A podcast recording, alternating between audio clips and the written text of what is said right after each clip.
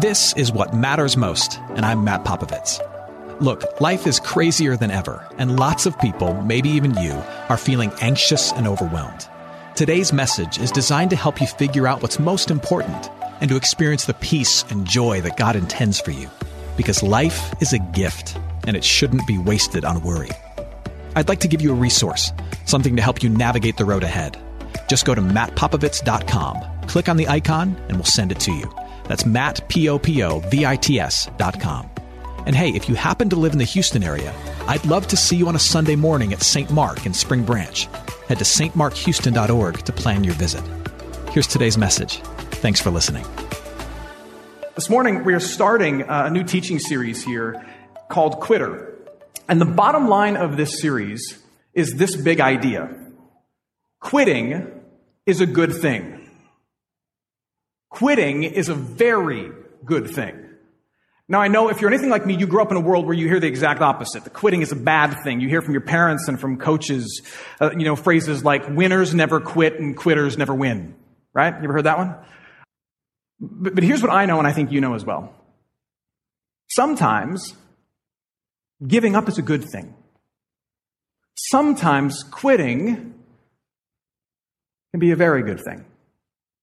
That's what we're talking about. In this series, we're celebrating the fact that, that the message of Jesus Christ gives you freedom to walk away. Now, uh, before we dive into the, the subject for this morning, I just want to kind of prove my case a little bit that, that quitting is a good thing from a biblical perspective. In fact, I would argue from, for, to you that from a Christian perspective, uh, quitting and giving up certain things is a key part of the Christian existence. Uh, Christian theologians would call it sanctification. Now that's different from salvation. If you're not up to date on your nerdy theological terms, sanctification and salvation differ in some pretty important ways. Salvation is the moment that you enter into God's family and you receive the grace and mercy of Jesus and he takes you from like death to life, from, from not forgiven to forgiven, from out of his family to into his family.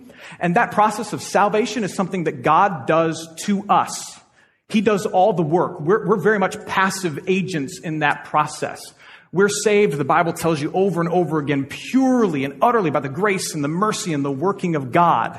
He, he lifts all the weight. He does all the work. He gets all the credit. At some point in your life, if you're here as a follower of Jesus, it's because at some point in your life, God the Father grabbed a hold of you. He spoke faith into your heart. That faith grabbed a hold of the promises of Jesus and all the things that he's won for the world through his life and his death and his resurrection became yours. And then God sealed all that, cemented all that in your baptism. That was salvation. That's salvation. And it's all God. Jesus describes the process of, of, of salvation like childbirth, and we're the infant. We're definitely involved, but somebody else is doing all the pushing. Salvation. Now, now you flip the other side of that coin. Sanctification is the process of being changed as a result of your salvation. It's the process of becoming a different person, of being molded and shaped into the image and likeness of the one who saved you, namely Jesus. And while salvation is something that just happens to us, sanctification, the scriptures tell us, is something that happens through us and with us. God is working with us and we're working with Him to start to be different people, people who look like Jesus and reflect the love through us that has been given to us. And it's a difficult process. You brought into God's family and He puts His Holy Spirit inside of you. And then this tough process begins of Him, along with you, kind of helping Him and working with Him in partnership, pressing it through so that the Holy Spirit and this new person that reflects Jesus starts to kind of flow through your hands and you start to do different things. It, it flows through your lips. You start to say different things. It, it flows into your mind. You start to think some different things. But it's a process where you got to press it through and become different and you're working with God and rather working against Him or with Him. That's sanctification. Salvation, sanctification. Galatians chapter 5, which we just read, is talking about the process of sanctification, of becoming someone different. Listen to what it says in Galatians 5, starting at verse 22. Let's highlight these verses. The fruit of the Spirit is love, joy, peace, patience, kindness, goodness, faithfulness, gentleness, self control. Against such things there is no law. And those who belong to Christ Jesus have crucified the flesh with its passions and desires. If we live by the Spirit, let us also keep in step with the Spirit. In other words, press these things through our lives. According to the scriptures, sanctification, becoming different, is this process of actively letting go, giving up, walking away from, quitting the old things, the dead things, the unhelpful things, and trying to grab hold by the power of God's Spirit to the new things, the better things, the, the love, joy, peace, patience, kindness things. And pick those things up with your life instead of the dead things. And it's a lifelong process. I, am not going to assert that, that anyone ever becomes completely different. Uh, not until the day Jesus comes back will I ever be more uh, fully in his image and likeness. Until then, I'm always going to be partly messed up, partly not messed up by the grace of God. But pressing the good things through into the nooks and crannies and corners of my life is my job, whether it ever gets fully completed or not. And so this series is talking about that process of pressing the good through as we let go of the bad. Pressing the fruit of the Spirit into the corners of our lives, giving up the bad, pressing into the good. And one of the bad things we're going to talk about today that we are kind of letting go and putting down is shame. It's the first topic in this series. Shame. Um, shame, just a kind of a quick definition from a biblical perspective. Uh, shame is that, that cloud of guilt and unworthiness that, that hangs over you or kind of haunts you in light of bad things that have been done by you or to you. Now, shame has a positive purpose in our lives. It, it can be a very, very negative thing, but it has a positive purpose in our lives. Uh, shame, when lived out momentarily, uh, can serve kind of like what, what a fever does when your kid gets sick. You feel their head, you feel that it's hot, and it's an indication that something else is going wrong on the inside and they need some healing, right? But you don't let the fever linger. You let the fever tip you off to the fact that some greater healing needs to take place. And shame, in guilt and shame of the life of a human being, does the same thing. It, it's kind of like the fever. It tips us off to the fact that something bigger and broken is going on beneath the surface that needs to be dealt with, that needs to be healed. Shame can be something makes you aware of brokenness, drives you to the forgiveness and the love and the goodness of God. But no one is meant to live there forever. No one is meant to live there with the fever boiling for a lifetime. But lots of people do. Lots of people live with the cloud of shame over them all the time just like constantly raining down on them. Or, or, or, like, a, like a ghost that's haunting them and they see it around every corner. They see it every day, reminding them of what they did in the past or what that one person who was supposed to love them and protect them did to them oh so long ago. And it's always with them. And it influences every decision they make and how they see the world and how they, how they walk through life. And it becomes this dominating factor in their existence when, when someone is wrestling with a lot of shame, and, and maybe this is you, maybe it's not, but chances are it's someone you know, they tend to respond to this, this overwhelming sense of shame that they're not able to shake and deal with in one of two ways. Uh, they either deal with it through self loathing or through self justification. Uh, self loathing is where you have an overly negative view of yourself and you try to deal with this sense of shame by punishing yourself and, and atoning or paying for the wrongs by, by feeling bad. Like, I don't deserve to feel good. I don't deserve to feel okay. I don't deserve to think I'm a good person because of the things in my past. Self loathing. On the other end of the spectrum, there's self justification, where um, I feel guilt and shame about something in my past or that I'm wrestling with in my present, and rather than, rather than, rather than admit that I feel bad about it, I will justify it. I will, I will declare myself not guilty of any shame, not guilty of any wrong, as a way of freeing myself from the implications. So rather than fight against it or feel bad about it, I'll just turn myself over to it and convince myself in the world that it's not actually a bad thing at all. The person who deals with self loathing is going to walk in way too much despair. And the person who, who deals with self justification is going to walk with a little too much pride and indulgence in their issue. But all of it is simply a way to deal with this deep seated shame about something in the past. That, if you're a follower of Jesus Christ, he says you don't have to carry.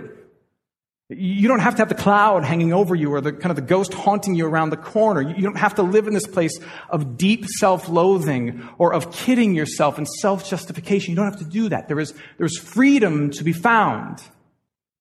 You can quit it. Now, it's not like flipping a switch. It's a lifelong journey.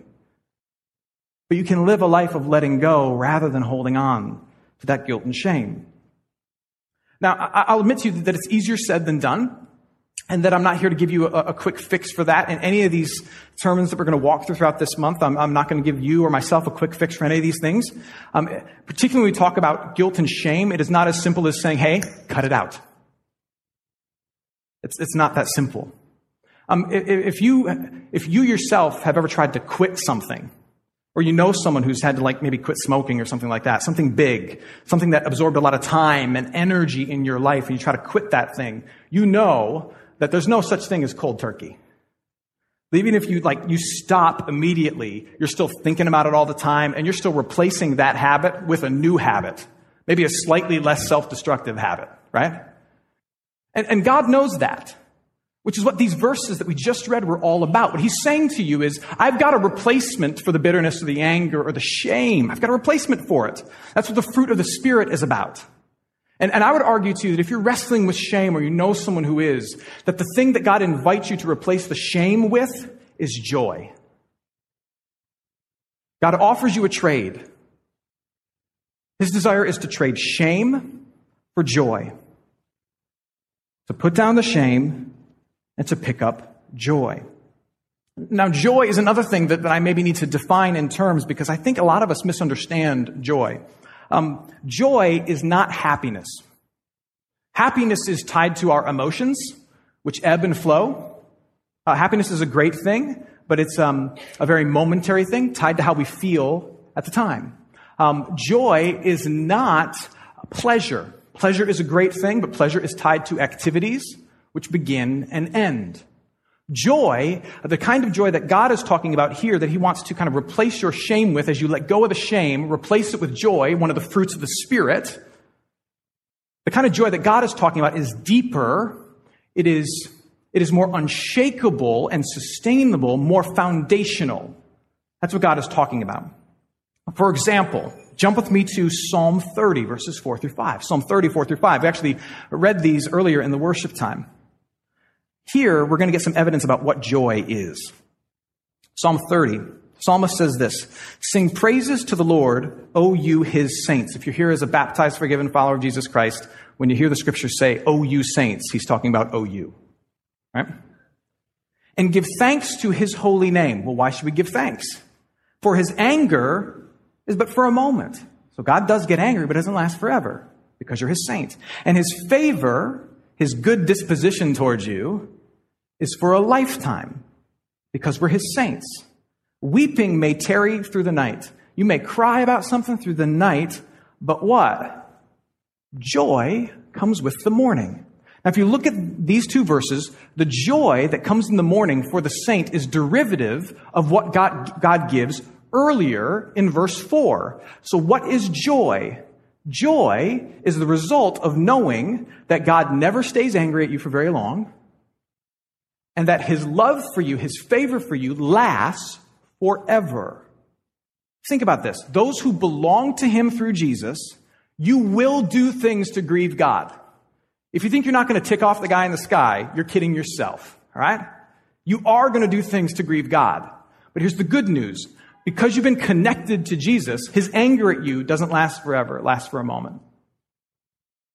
Not only that, but his love for you undergirds your whole relationship and lasts for a lifetime, which means you have reason to have joy. Joy is the overflow of the unchangeable truth that you are loved by God. That one might be worth writing down, just saying. Joy is the overflow of the unchangeable truth that you are loved by God. The love of God is the foundation of your life and it creates joy. And if you have the love of God through Jesus Christ, the fact that He's only going to be ever angry with you for a moment, that His favor for you lasts for a lifetime into eternity, if you have that, everything else in your life is fixable. Secondary. But if you don't have that, then everything else is for naught. Here's what joy is. Joy is not, you know, letting out a psychotic laugh when all you really want to do is cry. Joy is not faking a smile. Joy is not being that one person that you want to punch because their life is never wrong. Joy is not dependent upon other people coming through for you or people giving the recognition that you are due. All those things, those things are like, those are shingles. That, that's siding. That, that, that's windows. That's paint swatches. It's secondary. Joy is the good stuff that bubbles over from knowing that no matter what is wrong, your foundation is secure. It's a deeper thing. No matter what is wrong, the God who made the universe loves you, has chosen you, and has good things planned for you. That's what brings joy. I hope you're enjoying today's message. For more of what matters most, you can head to mattpopovits.com. There you'll find other messages. You can support this ministry as well as access your free gift. Oh, and if you're looking for a local church and you live in Houston, come and see what's happening at St. Mark Houston. To plan your visit, head to stmarkhouston.org. Thanks for listening, and back to today's message. Now, I know at this point in the conversation, there are some of you, maybe if you're really dealing with shame, kind of your inner monologue is going like this Yeah, Pastor Matt, all that's great, but, but here's the thing you don't know what I did. Pastor Matt, here's the thing you don't know what they did to me. And man, if you did, you would know why, why my foundation is shot, why, why my mind is not secure, why I can't have that kind of joy. I can't replace my shame with joy because my, the rug has been pulled out from under me because I did things that you have no idea about or things were done to me that you can't even guess. And, and not to offend you, but I'm just going to like very politely offer to you that that's not true. I'm just going to assert to you that you're not alone in being a victim of the horrible, broken things in this world and being a perpetrator of those yourself. We all are. So, so you can say, I don't know, but we know. Okay? Let me guess. You've got things in your life that you've never told anybody. You've got things in your life that you're ashamed of that you think about every day. You've got things in, in your life that you look at God and you say, well, why, if you're good, would you ever let that happen to me? You've got things in your life that when you see them manifest in other people, you get angry at that person. And the reason you get angry at that person is because you know it's true about you too. You have things happen to you that make you think that somehow you're disqualified or unworthy and less than every other person on the planet. Look at me. We know. But here's what else we know. Let me give you a verse to carry with you. Romans chapter 8, verse 1 says this There is now no condemnation. That's worth like underlining, circling, tattooing backwards on your forehead so you can read it in the mirror every morning when you get up. There is no condemnation for those who are in Christ Jesus, whose hearts are connected to his promise. No condemnation because through Christ Jesus, the law of the Spirit of life set me free from the law of sin and death. Absorb these words. Either they're for you or they're for you to take to somebody else. If you're connected to Christ, no one in heaven is pointing their finger at you. Now, other people in this world might be pointing their finger at you. You might point your own finger at yourself. But the one who created the world, if you're connected to Christ, is not pointing his finger at you. If your heart is holding on to his promises, then you are right you are all good with the only one who matters. Christ was abused by his friends, but it was for you. Christ was punished like a criminal, like maybe you should have been, or I should have been, but he was punished like a criminal for me, for you. Christ absorbed the shame of the world, not just yours, everybody's. He absorbed all of it so that he might be able to look at you and say, look, I lived under the law that says you gotta walk with shame. I lived under the law that says you gotta die in fear. I went underneath all that so that you don't have to. Now you, you who are connected to me, you get to walk free. You get to walk knowing that you're forgiven. You get to walk knowing that you're loved, knowing that you're empowered to be different.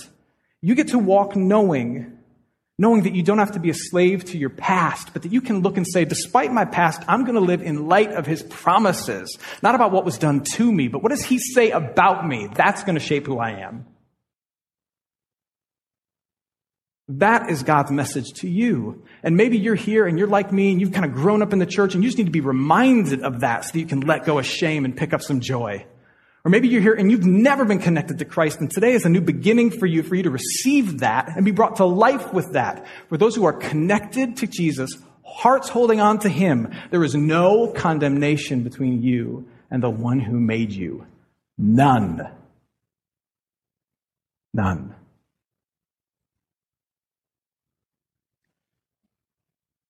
The next kind of piece of this puzzle is how. So let me quickly kind of blaze through this. Uh, Jesus is actually the one who tells us how to pick up joy. Um, so we let go of shame, we pick up joy as a part of sanctification, pressing the fruit of the Spirit through our lives. And, and there's questions that come with that of how do we make that happen. Jesus gives us some direction in John chapter 15. John chapter 15, verses 10 through 11. Listen to these words. This is Jesus speaking. He says, If you keep my commandments, you will abide in my love. It's a key word. Just as I have kept my Father's commandments and abide in his love. These things I have spoken to you, here's the key, that my joy may be in you, and that your joy may be full.